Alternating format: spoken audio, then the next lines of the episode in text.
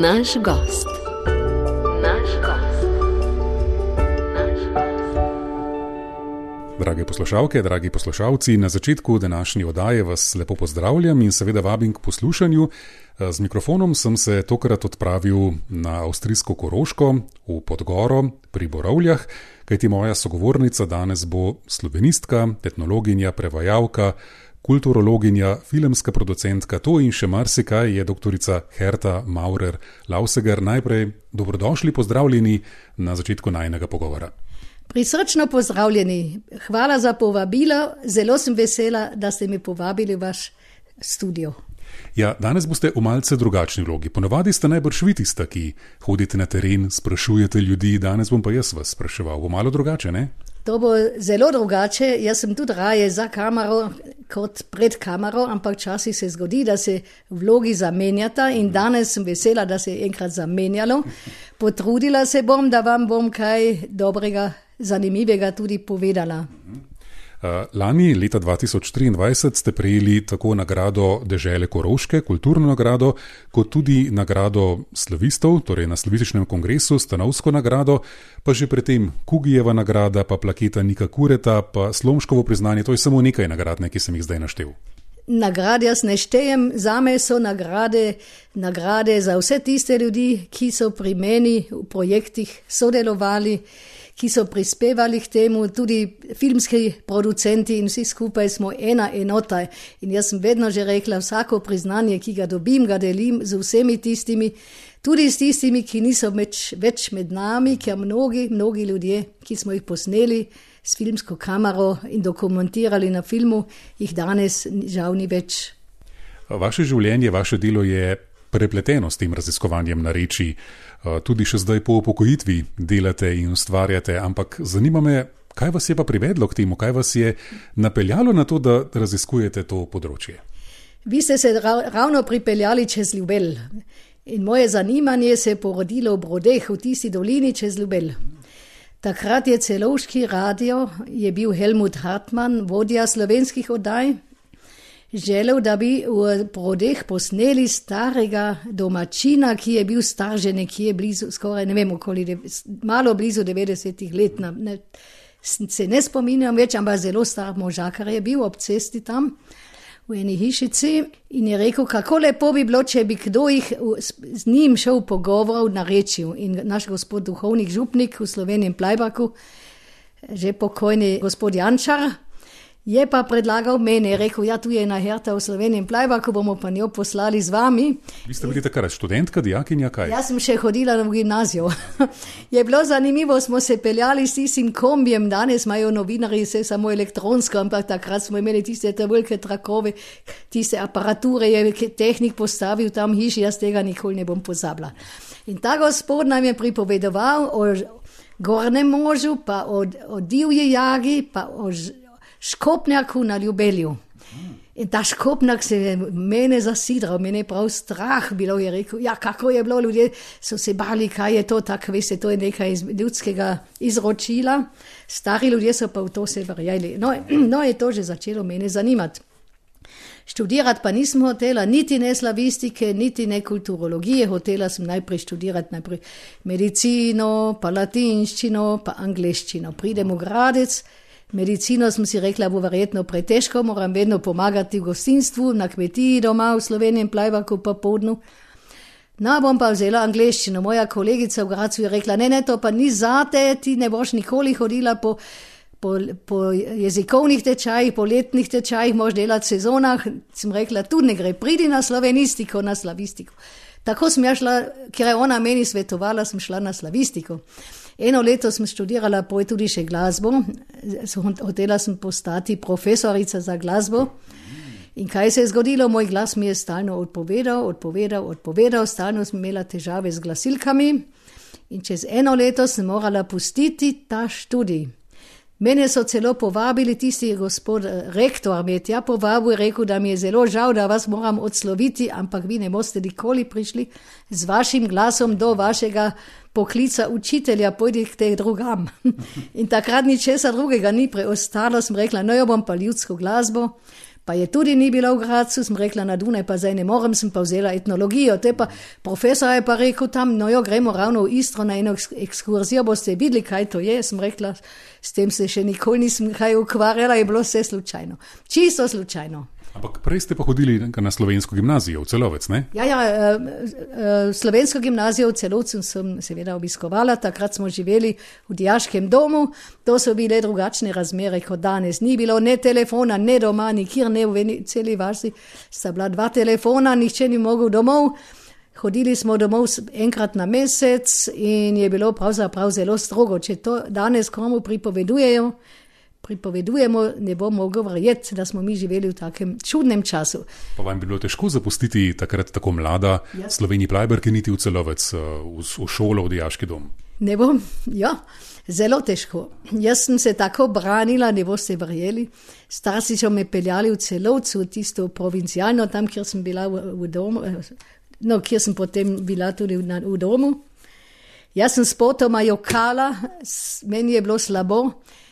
Vsega je bilo, sem rekla, samo nazaj domov, jaz tega ne morem. Jaz bom, sem se preseliti v mesto in za me je bilo zelo čudno, ker sem bila doma na gorski kmetiji, v takem domačem sončnem okolju, pa kar naenkrat v tistem mestu, ki ga sploh nisem poznala. To je bilo zelo, zelo hudo za me. Kmetija, kjer najbrž ste govorili slovensko, ohranjali slovenske običaje? A ko sem pa jaz bila otrok, pa no, nišče ni govoril nemško, pa nas sta bila še, če sem čisto majhna prvih letih mojega, mojega življenja sta še ded, dede, uh, moj dede in babica živela na kmetiji. Ta dva še dobro nemško nista znala, ne tako dobro pač. Ali? Vsi smo govorili samo slovensko in če smo imeli kakšno služen čad, enkrat deklo ali hlapca, so bili pa iz Slovenije, to se še tu točno spominjam. Je bil ena nana, pa je bil en franc in ki smo jih zelo radi imeli, ne zato, ker so delali, ker so nas otroke po zimi sami prevažali, mi smo se dovsankali in oni so nas nazaj govlekli in mi smo se imeli lepo. A govorili smo pa samo na rečje knjižnega jezika ali pogovornega nismo spoznali in to je bilo potem zelo težko, ko smo prišli v slovensko gimnazijo. Smo prišli um, dijaki iz čisto iz Zile, iz Roža, iz Podjune, iz Obirskega oziroma vseh krajev. Vsak je imel svoje narečje in smo drug drugega težko razumeli. Um, to je vsak samo kritizira in sprašuje, zakaj na slovenski gimnaziji otroci toliko med sabo. Danes je malo drugače, ker je veliko tudi dijakov iz slovenskih družin, ki tle živijo, oziroma tudi Slovenije. Pa je bilo tako, da se nismo, če si govoril v svojem dialektu, so se ti največ časih celo posmehovali, ker te niso mogli razumeti. Pogovarjanje slovenščine nismo obvladali, to, kar smo se ljudski ali osnovni šoli naučili, kaj nam je preostalo vzeti jezik, ki ga razumemo vsi. In tako se je to razvilo. To vsak je samo mislim, da smo mi, ne vem kako nem, nemško, ne vem kako usmerjeno, ampak to je bil naš jezik, katerega je funkcioniral med nami. Se spominjam, mi imamo takšen čuden dialekt, mi, reče, mi rečete sneg, mi rečemo snih, mi rečemo buh, mi rečemo buh ja, a, a se to že videl, a je to resen in tako dalje. In potem so se vsi ostali, skoraj vsi ostali, ne čisto vsi, rečimo v svečah, tudi ne v nekaterih krajih, drugače imajo pa resen, pa buh, pa tako dalje. Nam so se pa, mi smo bili vedno tisti posamezniki. Prej, vi ste že na gimnaziji nekoliko spoznali ta različna slovenska narečja, ki jih zdaj potem vse življenje raziskujete. Ja, seveda, jaz vedno skušam najti tudi odgovore na to, zakaj je to tako bilo. Ja. Lahko vam pa res povem, ko smo imeli prvo maturitetno srečanje. Vsi smo govorili samo slovensko, noben več nemško. In to so nas vedno kritizirali in so mislili, to je pa postala tudi navada, veste. In zanimivo je še nekaj, jaz se spominjam iz osnovne ljudske šole, ko smo začeli hoditi v šolo, mi nismo znali morda več kot sto nemških besed, nekateri smeti, večina ne. Eden od teh je pa že kar dobro znal, ker je imel take, ne vem, stike, pa tudi ne vem kaj. Ali, uh, ti si ga je pa učitelj tako hvalil, kako dobro je v Nemščini in tako dobro, mi imamo z njim potegniti. In smo se tako bahali, kdo bo že hitreje znal kaj povedati po nemško. In potem smo se tu začeli po, pogovarjati počasi po nemško, ker smo konkurirali, kdo bo zdaj hitreje usvojil tisti nemški jezik. To je bilo nekaj čudnega in jaz mislim, da je to veliko stvari se je dogajalo, ki jih lahko danes analiziramo in razumemo, takrat jih nihče ni mogel razumeti. Ponavadi kakšnega sogovornika vprašamo, koliko tujih jezikov zna, vas bi bilo pač čisto povsem normalno vprašati, koliko nareči znate. Ja, v narečjih je pa res tako. Um, moram povedati, jaz sem uh, v leta 1983, ko sem bila, preden sem prišla na univerzo v Celovcu, sem bila eno leto pri Hrščanski kulturni zvezi zaposlena v okviru etnološkega oddelka. Tam smo v sodelovanju s slovenskim sporedom ORF v Celovcu dokumentirali celotni arhiv celovškega radia, radijske oddaje od leta 1952, ki so se ohranile in sicer je šlo za etnološke teme, oddaje v narečju, pa tudi, seveda, deloma so tudi seveda, ljudske pesmi, so posod bile upletene. In tam sem jaz pa v bistvu spoznala, dva meseca poslušala. En, eno narečje je lepše, en govor lepši kot drugi, in sem rekla, to je pa zakladnica. Spravi, to so stvari, ki so jih posneli že drugi in so v radijskem arhivu v celovcu. Ja, to so od leta 52 do leta 80, to sem jaz tudi potem objavila v enem članku. Ampak kaj se je z Gracu zgodilo, ko sem prišla študirati, je gospod že pokojni Erich Brunč rekel, boste videli, čez 50, 60, 70 let bojo slovenski dialekti na Koroškem umirali, nekateri že čisto izumrli. Jaz sem si mislila, kaj ti praviš? Jaz si pa tega ne morem verjeti. Jaz enostavno sem bila tako žalostna potrta, sem rekla, to pa ne more biti in se dejansko danes to dogaja. In ste zaradi tega potem tudi šli raziskovati, snimati na teren, odkrivati ta narečja? Mi smo imeli predavanje dialektologije z Erichom Prunčem. Erich je dal za domačo nalogo v počitnicah vsak napravi en posnetek v svojem lastnem kraju. Pridem v Sloveniji plajvak, noben imel nobenega kasetofonov še ni bilo, ne, nobenih magnetofonov ne. Go, gospod Župnik mi je pa rekel, ja, gospod Tevži pa ima. Edini v Sloveniji plajbaku en takšno aparaturo, da lahko posnamemo. In smo ga prosili, da nam je posodil, da smo šli k njemu in da smo tam posneli na njegovem aparatu in sem to potem nesla v Grac.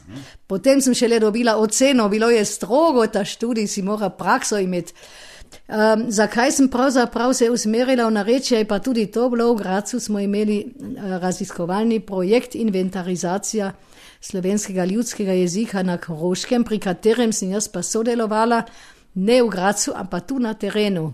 Tam sem, se, sem se dve leti vozila po terenu, po vseh krajih do Južne Koroške, ne posod, ne, ampak mnogih krajih, pa po, imela vprašalnice, spraševala po različnih besedah, po izrazju, ki se razlikuje. To je bilo nekaj zelo zanimivega. In na ta način sem še bolj uh, se zavedala, kako pomembno je to bogatstvo nekje si ohraniti, zapisati, dokumentirati. No, ja, dolgo časa smo snemali na tiste magnetofone in tako dalje. Pa mnogo radijskih oddaj pri celovškem radiju sem tudi naredila v narečju potem. To ni bilo samo enkrat, potem sem delala skoraj 12 let, vedno spet eno urne oddaje v narečju, saj so še vse v tem arhivu. Um, na vsak način uh, to narečje mi je nekje postalo, postalo središče, čeprav sem se prej še z drugimi stvarmi ukvarjala, ampak na univerzo so mene povabili, Tudi zato, oziroma so me vzeli na univerzi kot asistentko, ker je bila želja dokumentiranje koroških slovenskih narečij glavno težišče. In tega težišča takrat nihče imel, ni imel, je bilo več kot 40 kandidatov in kandidatk in so mene izbrali. Jaz sem si rekla, kako pa to more biti, zdaj pa za to nisem sposobna, bo se res meni vzeli, gospod profesor. Na komisija je odločila in potem sem pa prišla leta marca 1984 na Inštitut za slavistiko na Celovški univerzi. Mhm. Zanimivo, da je univerza v tistem času imela taki inštitut in tako zanimanje za to področje, torej za narečja na Koroškem. A, to se pravi, Celovška univerza je že začela delovati, mislim, štirn, eh, začela je delovati eh, prvič, ne vem, 74. 73, 74 leta, slovenistike takrat ni bilo, ampak v okviru jezikoslovja je že obstajala tudi slovenistika in rusistika, in pozneje se je leta 78 ali 79 pridružila se srbo-hrvatistika s prihodom univerzitetnega profesorja dr. Gerharda Neveklovskega, bivšega vicerektorja Celovške univerze. Ki je pravzaprav hotel samo to, da delam dialekte, dialekte, dialekte, ker on je napisal več knjig o narečjih, med drugim popisal vsa narečja na Gradiščanskem, pa mnogo eh, tudi kulturnega, tudi nareč, narečnega gradiva, vse je objavljeno tudi v knjigah in napisal je tudi zdaj v novejšem času še knjigo o zilskem narečju na Bistrici in Straji vasi. In to je bila njegova srčna želja. Samo jaz mu nisem vsega izpolnila, ker on je hotel in želel, da bi jaz opisala sistem svojega domačega narečja. Ampak jaz sem veliko, ne vem koliko sem raziskovala, ko, ko sem pa že prej povedala, meni so zanimali vsi dialekti, ne samo moj. In ker sem začela potem s tem dokumentiranjem, tudi audiovizualno, me je pa vleklo na vse druge kraje. Meni se je zdelo pomembno, da opišem narečje, lahko še poje, že na tonsko posneto, pa na filmih to se ne bo izgubilo, ampak ljudje mi umirajo. Take dobre govorce, kakšne smo mi imeli boš danes težko dobil. No, jo, so pač ali so že prestari, ali so umrli, ali niso več sposobni, ali se ne spominjajo več tako, ampak to so bile take, bili zadnji časi, bi rekla, da jih posnamemo. Pa še nekaj je bilo, tam, ko smo tonske posnetke delali, tudi radi, za radijske oddaje. Ljudje pripovedujejo, kako so trli, pa kako so, kako so obdelovali volno. Jaz sem rekla, jaz se nimam pojma, o čem govoriš, ampak jaz sem vedno tako bila radovedna, spraševala, ampak potem sem si rekla, spravimo zdaj to tudi v film. V film pa nisem prišla sama, ampak naš bivši učitelj v Sloveniji, Plajbraku, je imel že kamero in je vedno spet nekaj snemal. Re, je rekel, greva malo po vasi in sva od hiše do hiše hodila in več ljudi posnela. U, sva rekla, to pa funkcionira. In na univerzi sem potem jeseni hotela zaprositi, po počitnicah za projekt je pa rekel profesor Kar.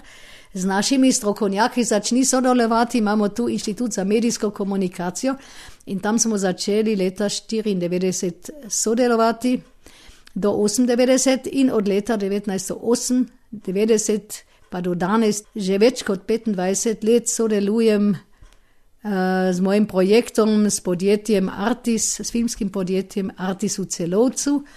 Ivan Klarič in Valentin Čertov, to sta moja glavna kolega, če njih ne bi bilo, nobenega filma ne bi bilo.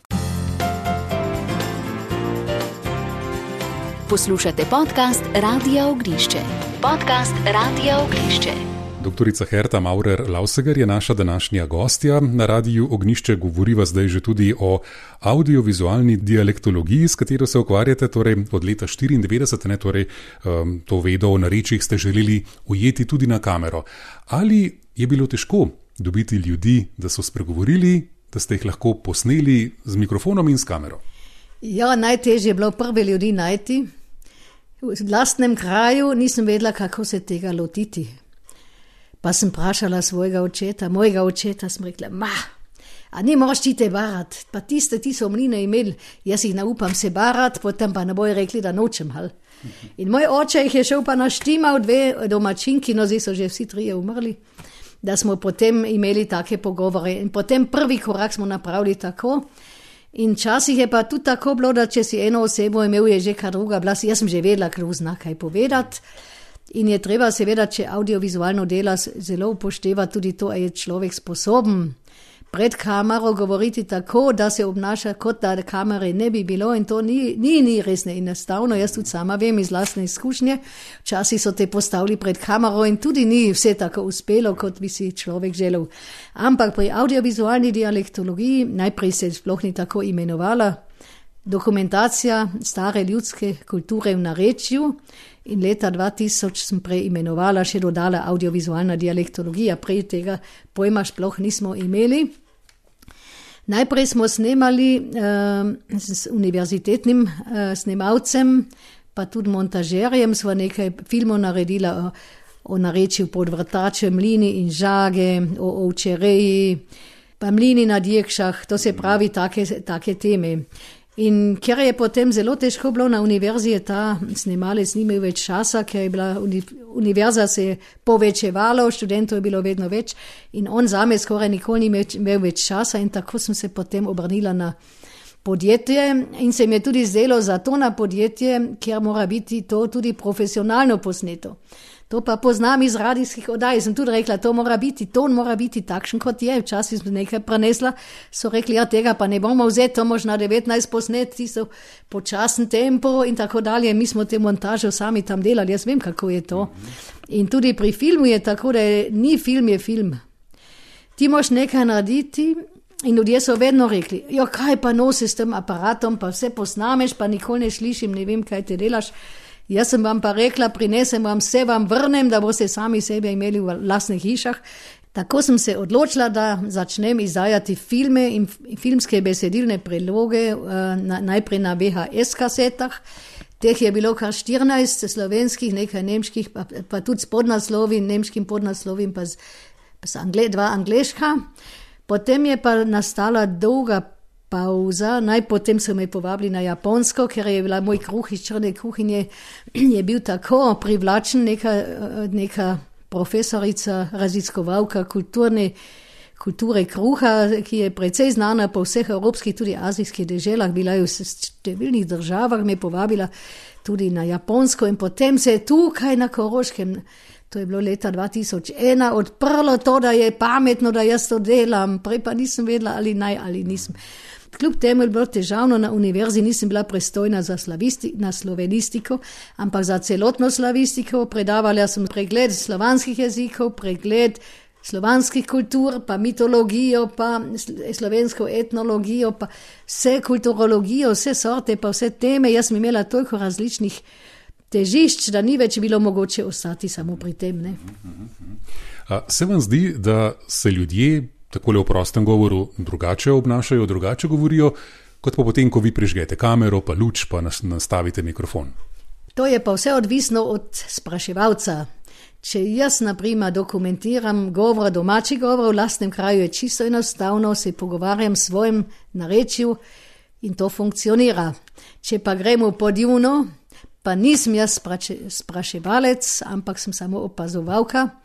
Potem pa raje pustim, da dva domačina se usedeta, govorita, pripovedujeta. In jaz se ne vmešavam nobeno besed, z nobeno besedo, ne. samo včasih ne malec reče, ja, obrnite se malo drugače, a drugače nič. Vsebinsko pustim, da pripovedujejo in vedno delam po tem principu, jaz samo rožju lahko si dovolim. Pa ni bilo treba, nikjer se, vse je tako se je izteklo. Meni je tudi pomembno, bilo, če dve osebi govorita. Imam lahko tu že dve različni podobi, lastni govor, ja poznam, kdo bo pa mene že poslušal, nihče več. Ampak druge ljudi je treba slišati in to sem vedno izkoristila možnost. Je pa tako, da maksimalno dva še gre, dva je dobro, ampak trije so maksimalno, trije govorci, drugače pa vidimo, da eden drug drugemu posegajo, mora preveč v besedo, eden bi rad povedal, pa ne more, drugi se preveč uveljavlja in to ni tako enostavno. Jaz sem si rekla, moj cilj je to. Tista oseba, ki jo želim dobiti pred kamero, to jo bom dobila in ta bo tudi v mojem filmu in to mi bo tudi uspelo. In to je dejansko bilo, vse se je zgodilo tako, kot je bila moja želja. Ampak vi, kot ustvarjalka filma, ste morali narediti en scenarij, nek vrstni red, eh, se pripraviti dobro na snemanje. Nič. Če je bilo snemanje, eh, nisem šla z noveno ekipo. Pripravljalo se je tako, eh, naprimer, povem en primer. Mi smo samo rekli, da pridemo, vi boste pripovedovali iz kmečkega življenja, damo vam to in to in to temo, pripovedujte vse, kar se spomnite. Ni bil moj namen, da nekaj režiram, režije pravzaprav ni, zato ker drugače splošni spontani govor ne funkcionira. To je se pravi, naj pripovedujejo ljudje iz svojega srca to, kar jim paše, pa tudi če vmes eno zapojejo. To se je mnogo krat zgodilo, na mesto, da bi na reči, ja, snemali smo pa še eno zapel vmes, pa šlo je dalje. A, ko smo pa snemali, rečimo, terminologijo, uh, sani, je bil moj stric, ki je žal že pokojni. Je rekel, ti mi pa ne boš govorila, to je, to je moja stvar, jaz sem ti vse pripravil, kar rabiš za tvoje snemanje. A jaz sem rekla, ja, boste vi zvozi, on je sosedom šel, pa zvozil so robo, vse, vse to orodje, pa vse sorte sani na njegovo kmetijo v Sloveniji in Plajbaku, da smo si prišparali čas, da nam ni treba bilo od ene kmetije na druge, se vozi do druge voziti in tam kaj posneti. In je rekel, pa ne skrbi za to, da bom sebinsko jaz kaj zgrešil, jaz bom povedal vse, kar vem. Glavno je, če se tistem govorcem sprijazniš, rečeš dober dan, moraš se spoprijateljiti in več ni treba. Govor, govoriš lahko o vremenu, pa vsem drugem. Malo čisto jo, kaj delam, ampak ne o vsebini, kaj bom jaz spraševal, kaj bom jaz tam dokumentiral, ker drugače se zgodi to, da reče, oh, to sem pa že zadnjič povedal, kaj bom ti zdaj še enkrat, to že tako vse viš. In to je tisto, to je treba zelo pozorno biti, ko si spraševalec, smo se vedno biti zainteresiran, enako vredni partner. On mora imeti občutek, da je ravno toliko vreden kot jaz, saj smo oba enako vredna. In potem je nekje določeno razmerje in ta atmosfera je po mojem čudovita, če ta funkcionira. Uh, iz vas žari navdušenje za to delo, ki ste ga upravljali. Uh, odkud ste črpali energijo, ker najbrž to ni bilo prav enostavno. Oh, jaz sem imela zelo težko, v začetku je bilo zelo hudo, ker mi noben ni hotel akceptirati, bi rekla. Ne, ne ljudje, stroka. Na univerzi so vsi mislili, da se jaz nekam spuščam, nek spektakel, da, da mi ne bo treba toliko raziskovati, da se okol vozi, pa nekaj snemam, pa filme delam. To mi je zelo hudo bilo in sem imela več, veliko, veliko nasprotnikov in tudi težave, potem sem enostavno rekla, ne bom več zaprosila za nobena sredstva, nekatere, mnogo filmov sem financirala sama in sem jih delala v prostem času in tako, da nihče ne ve, koliko jih je, jih je več kot 30 zdaj.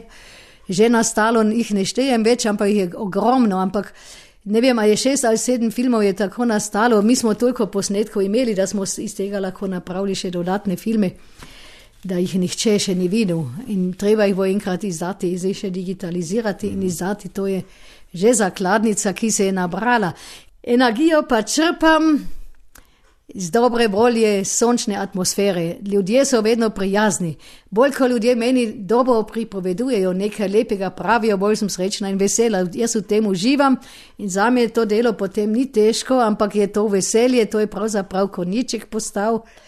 Tako da sploh nočem, pa še nisem odnehala, mislim, pravijo, da sem že stara, ampak se ne počutim, jaz še vedno malo poučujem na univerzi, sem še predavateljica na slavistiki, imam še eh, o slovanskih, eh, o pravzaprav starih, starejši slovanski kulturi in začetki slo, slovanskih jezikov, pa to pa kulturologijo še vedno poučujem, pa kulturologijo Slovenija, domoznanstvo Slovenije tudi. Ampak glavno je pa zdaj to, da hodim po Zilski dolini od leta 17. Mi smo imeli 17. leta, sem imela zadnjo, zadnje predavanje in izjemno enkrat iz dialektologije, ker v študijskem programu tega sploh ni bilo. In potem sem študentke vprašala, če slučajno kdo kaj ve, da bi kdo bil zilje, ker tam bi jaz rada nekaj še posnela, ker teh nareči oziroma dialektov premalo poznam, pa tudi govorov. Pa mi ena reče, moja mama je bila doma v Blačah, nemško Fordapjak. To je tlele, morda bistrico poznate, tam, kjer je stara pošta, to je zelo znano, verjetno vsem, ampak druge, še 8 km proti zahodu, na južni strani reke Zilje, je kraj Blače, nemško Fordapjak. In smo najprej tam, eh, nisem vedela, ali bomo lahko posneli na reči ali ne ker tam zelo stari ljudje še znajo, ampak zelo malo jih še govori slovensko, če domačini pridejo skupaj, tisti najstarejši že, pa drugače se uporablja nemščina. No in tam so pa rekli, ja, pa nas pa če hoče kaj dokumentirati, je treba tudi peti. Mi pojemo, smo, no jo bomo pa zapeli. In meni se je zdelo to ja čudovito, ko sem že enkrat hodila glasbo študirati, zdaj bom se pa lotila na stare dni. In pa smo posneli ljudske, štehvanske in ljudske pesmi, slovenske in nemške, 17 klipov, ki so potem išli lansko leto, 23. leta na ključku, Galtala Vilcenga, tako pojemo v Blačah, so singan vi in Vorderberg, tako pojemo v Blačah. In ta zbirka um, je bila prva, ki smo jo skončali in istočasno smo Jaz sem hotela pravzaprav štehvanje dokumentirati in to štehvanje potem smo posneli že leta 2018. Potem se je zgodila neka nesreča v družini, smo malo pauzirali in potem je prišla korona in je se je zavleklo tako daleč, da smo drugi del tega. Um, da smo štehvanje besedilo šele poleti lahko posneli in 23. leta potem izdali Majnika. Oboje smo predstavili potem istočasno. Smo pa že imeli tudi delo Kaleda pa uns in Vorderberg, Kaleda pa nas v Bračah, običaj krale pa base. In to smo tudi 6. maja, ko smo imeli veliko prireditev Štefanu na Zili, že predstavili nekaj utrinkov iz tega filma. No, in zdaj smo postali taki prijatelji tam zgoraj. Najprej bilo, nihče ni vedel, da bomo tam kaj posneli. Jaz sem pa medtem, smo pri firmi Artis napravili iz tega filma o štehvanju, ker gospod, naš govorec Friedrich Rast, nam je zelo veliko še povedal, starejših časih, kako je včasih bilo, pa nekaj svojega življenja. Tako da smo film podaljšali za deset minut in producirali eno daljšo, podaljšano dialektološko verzijo, ki je že, na, je že tukaj, samo še ni objavljena. In ko smo pa hoteli snemati na reči za štehvanje, pa, je pa tisti gospod meni na telefonu rekel, da lahko pridejo zdrav tudi moji pevci. Se, to je vedna skupina pevcev, ki se vedno družijo in pojejo tudi po gostilah, pa po koncertih in tako dalje. Ma pa sem si mislila, kaj bo pa zdaj to, pa ne more biti filmsko besedilo. Ljudje bojo gledali na vse strani, vse bo ropotalo, pa vmes kakšen glas za ropotal. Poje pa Ivan Klarič, moj snemalec, je pa rekel, tiho bod. Mi smo jim rekli, pripovedujte, trije so imeli um, radijske mikrofone, o štehvanju, pa malo je življenja blačano, lahko greste pa še druge teme. Prosim, zelo izčrpno o štehvanju. In govorili so uro pa pol. In smo potem vse posneli in to sva tudi zlila s Voltijem Čertovom pri firmi Artis v celotu, to je en film, narečna dokumentacija, ki vsebuje tudi šest ali sedem pesmi, nemških in slovenskih ena ura in tri minute, tega še živ Bog ni videl. Mm. še zilani sami ne, to se pravi, imam čisto nove stvari še tukaj, ki, ki jih, um, ki bomo, bo jih treba nekako spraviti na svetlo. Dokumentiramo pa tudi še eno narečje pod peco, uh, enem kraju v Globasnici, ko smo že pred davnimi leti, ima že dolga leta, posneli filmsko gradivo, maja, kraj pa je to bilo. Morda 17. leta, če nekje. Ampak to bi treba bilo še zmontirati, pa tudi spraviti v film. Uh, to je pa tudi tak na, narečni pogovor v podjunskem narečju. Uh, nisem pa dokumentirala sam, v filmsko samo nareči, oziroma ne dokumentiram samo to, mislim dokumentirala tudi celoško slavistiko. Gerhard Neveklovski, moje življenje za slavistiko, oziroma v nemškem jeziku, Gerhard Neveklovski, mein Leben die Slavistik mi je on pripovedoval vso življenjsko zgodbo, predvsem pa zelo veliko o zgodovini celovške slavistike, ker je bil skoraj 22 let tukaj in je zelo močno vzpostavil tudi stike z jugovzhodnimi, rečimo Srb, Srbijo, Bulgar, z vsemi južnoslovanskimi državami na področju jezikoslovja. To je bilo nekaj zanimivega in ta profesor je zaslužil to. Jaz sem tudi napisala, kdo želi, lahko prebere v jezikoslovnih zapiskih neverjetno, kaj je ta človek vse napravil za, za slavistiko, za slovence na Koroškem, za slovenska narečja na Koroškem in za gradiščansko-hrvaška narečja na gradiščanskem v Avstriji. Ja, s to dokumentacijo ste opravili res veliko dela, ujeli, kot ste sami rekli, ljudi, ki jih dan danes ni več, ki ne znajo teh nareči. Pa lahko rečete, da narečja še živijo v okolju, v vseh tukaj v krajih na avstrijskem Koroškem in da ljudje danes živijo bolj odprto.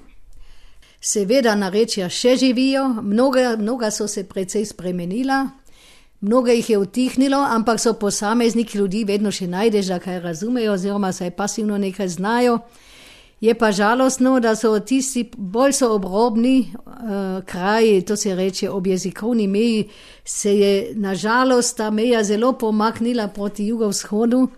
Ta germanizacija in ta pritisk, pa tudi ta cela politika, jezikovna politika, če jaz to vse pomislim nazaj, se nič ne čudim, da se je to zgodilo, da je šlo tako hitro nazaj. In, in je zdaj, vsi, mnogi, mnogi zdaj obžalujejo, mnogo prihaja tudi študentov na, spet študirati slovenščino, ko so rekli, moji stari starši so govorili, starši me niso več. Niso več dobro znali, ali pa sploh niso več znali in me niso mogli naučiti pridem, da spet izkopljem lastne korenine in teh je vedno, vedno več. In zdaj moram reči, da tukaj eh, jaz sem tudi zdaj zelo veliko tudi investirala osebnega premoženja v te filmske projekte na Zili, ker je bila korona, ni bilo nič nobenih sponzorjev in ni bilo mogoče kaj delati, ampak meni je bilo pomembno, da se to čim, čim prej objavi, da gre med ljudi. Ker zdaj, ko vidijo ljudje, da so filmi, ker štehvanje zilsko, pa zilska noša, pa ljudske pesmi, vse, kar spada zraven, so pod UNESCO-vo zaščito od leta 2018. Mi smo pa že tri mesece prej to kaledo, že, a, te štehvanje tri mesece že prej posneli, ker se jim je zelo to zelo pomembno. In zdaj, ko, je, ko so filmi zunaj, so ljudje ponosni in pravijo, kako dobro je poslušati ta lepi glas, pa tudi, če ga ne razumemo. Mene je celo poklical en ziljan, ki živi na Dunaju, je rekel, da sploh nisem slovenc, jaz sem tisti po naše, no, tako kot pravijo, je rekel, to, ta film bi moral imeti vsak na Zilski dolini, v Zilski dolini in ga poslušati. Filme na Zili, enega o kaleri, koledovanju, drugega o štehvanju, pa tudi tega te ljudske pesmi, sem izdala na ključku in posod so zraven tudi besedilne priloge.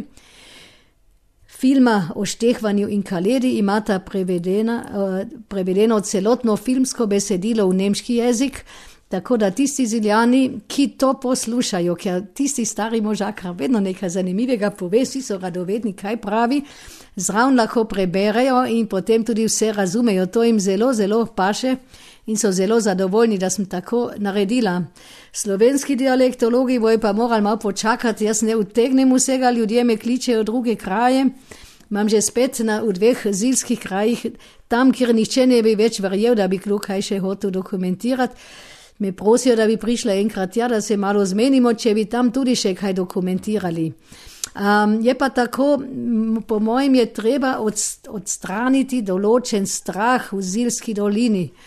Jaz sem bila čisto, bi rekla, vedela sem, da je malo nekaj takega potrta, ko sem slišala, da se ljudje bojijo, da bo en rekel, ti si slovenc.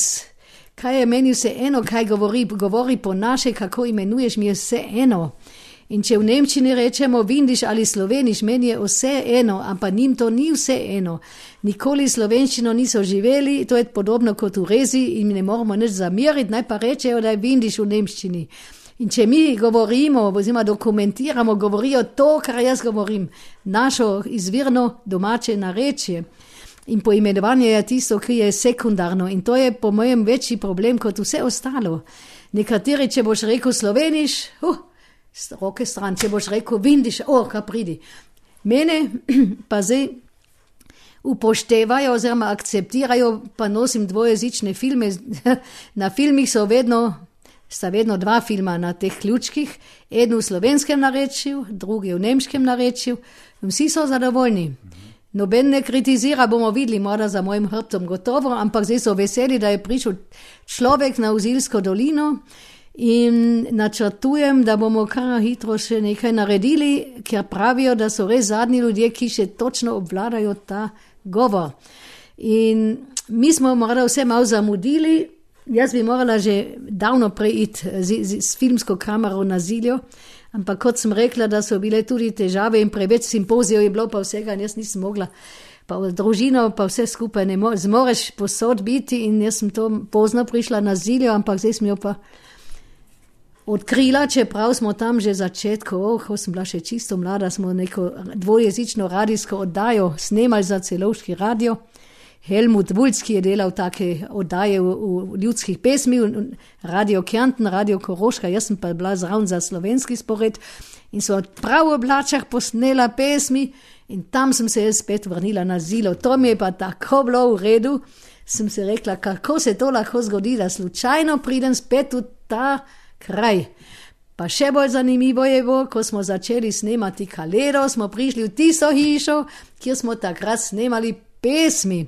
In počutim se res tam tako kot doma in so me dobro sprejeli, mi smo dobri prijatelji.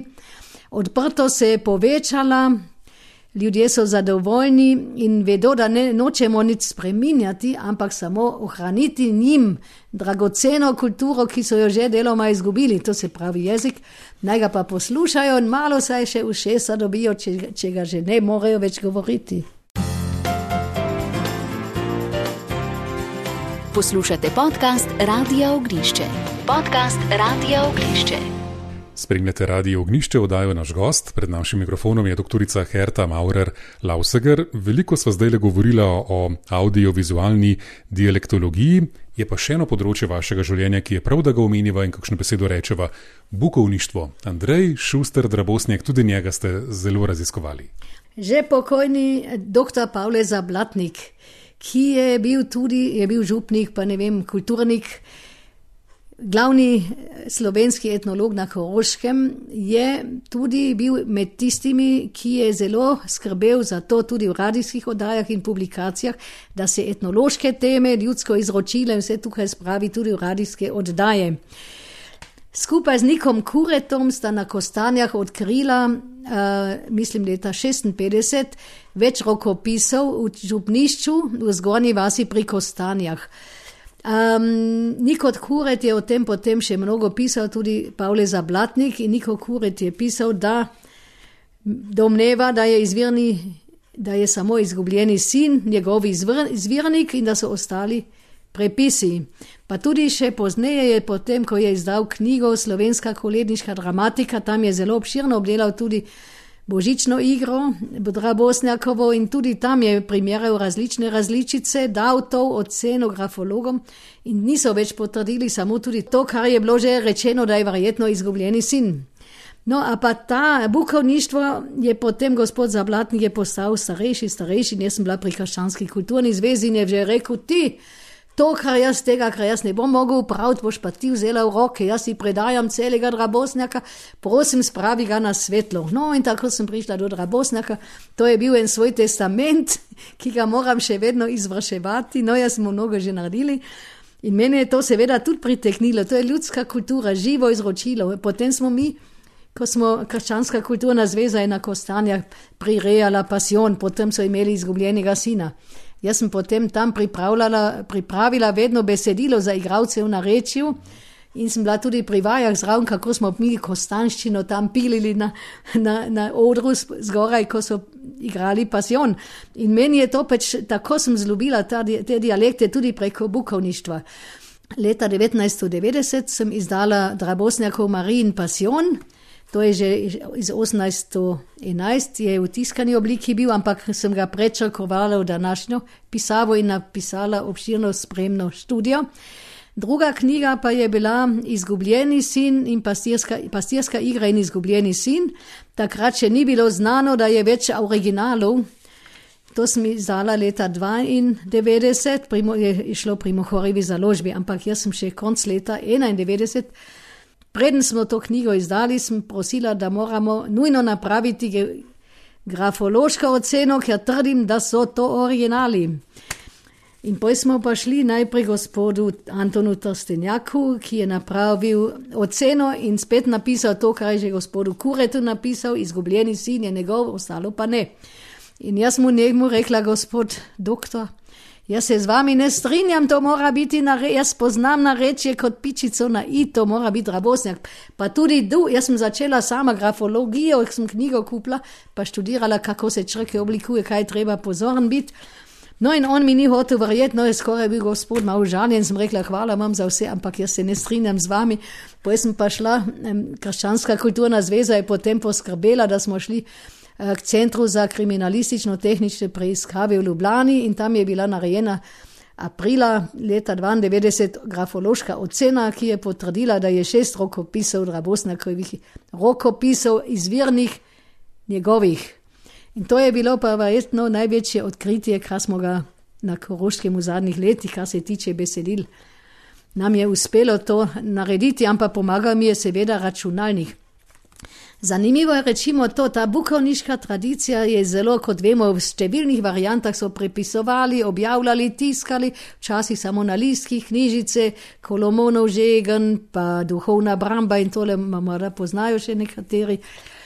In ljudje so tudi rokopisno prepisovali. In Drabosnjak je bil nekaj čisto posebnega, računalnik mi je to omogočil. Jaz sem dala njegovo, jaz sem dala, imam duhovno brambo na računalniku, ki je, ne vem, pravijo, da ne bila natisnjena okoli 1800, ampak je več starejših izdaj. ti datumi sploh ne igrajo vlogo. In Drabosnjak je šel pa duhovno vahto v enem od teh rokopisov, ki je original, vse originale hrani študijska knjižnica na ravnah na Koroškem. Enega od teh besedil je pa vzel duhovno obrambo in je jezikovno tako lepo preoblikoval v svoj jezik, da je več kot, na pamet ne vem, več kot 90 strani je prevzel v njegovem rokopisu je prevzetih iz duhovne brambe, napisano v svojem jeziku, prirejeno času, bravcu in tako dalje. Jaz sem o tem tudi, masi, če kdo pogleda potem enkrat mojo bibliografijo, to sem itak vse tudi objavila. Spletna stran pa ravno še ne deluje, ker je toliko filmov bilo zadnje čase, da same zase ni bilo. Za moje spletne strani nove še ni bilo časa, ampak pripravljamo, da bojo kmalo spet zagledali sveta svet, eh, luč sveta, ker je to nujno potrebno, pa se vidi, kaj še manjka in moramo delati dalje.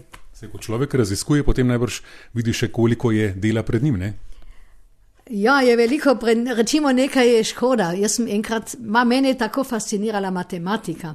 Je bil enkrat en simpozij, sem pa napisala članek o matematični, term, eh, o začetkih matematične terminologije pri Valentinu Vodniku.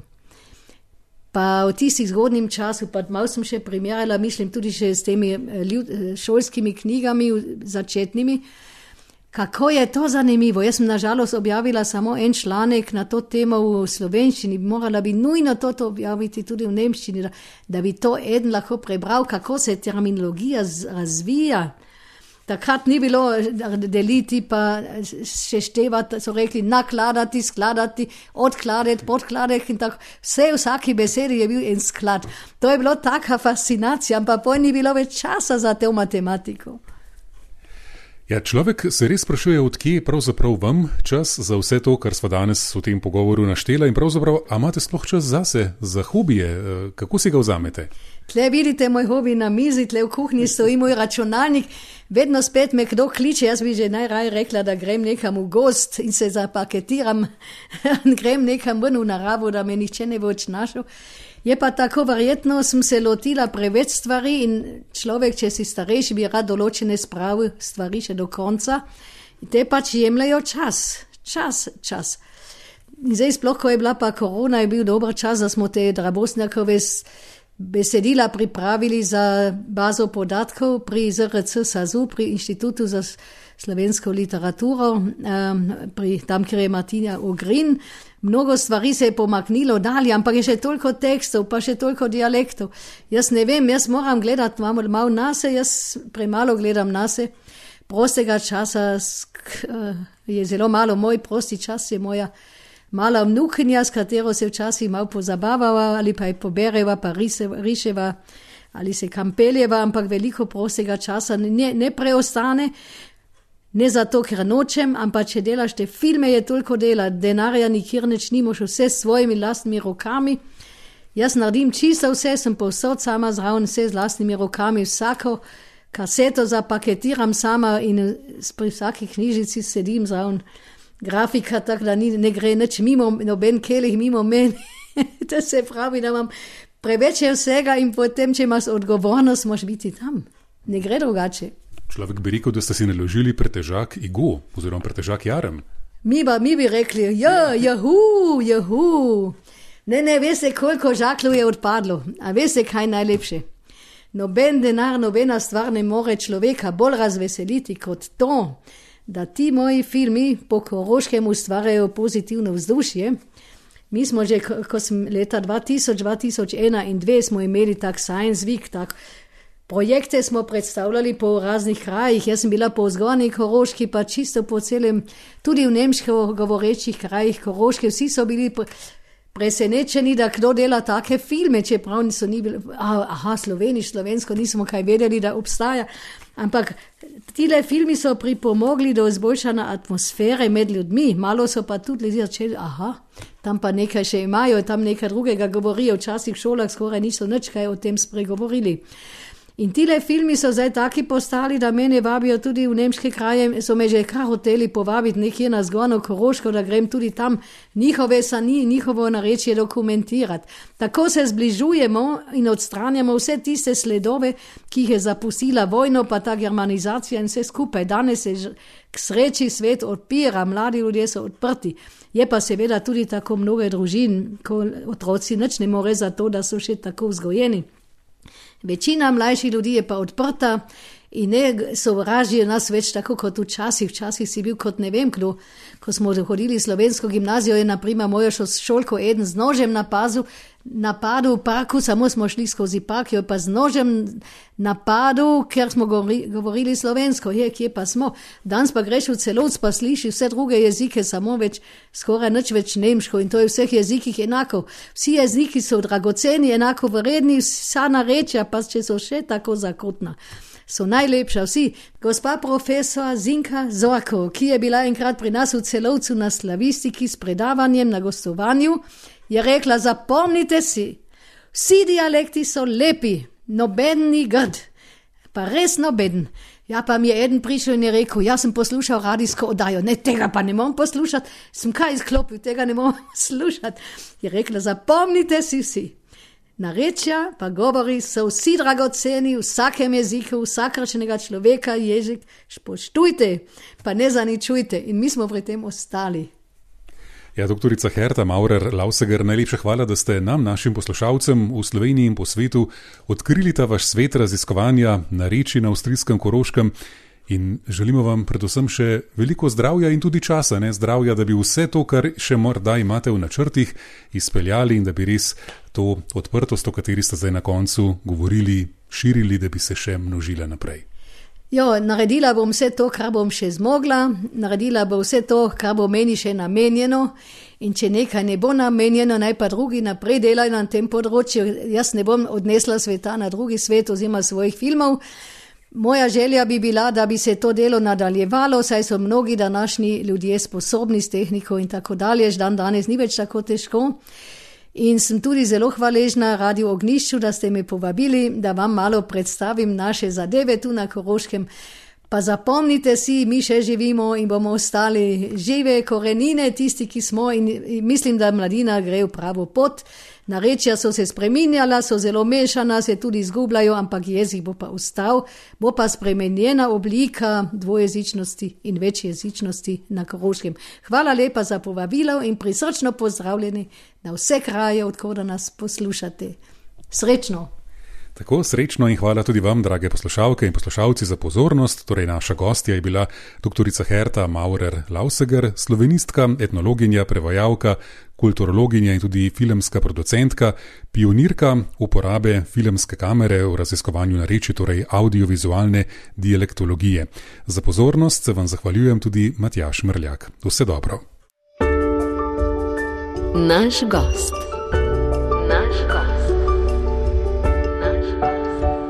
Hvala, da ste poslušali našo oddajo. Podprite brezplačen dostop do vsebin in postanite prijatelj Radia Ognišče.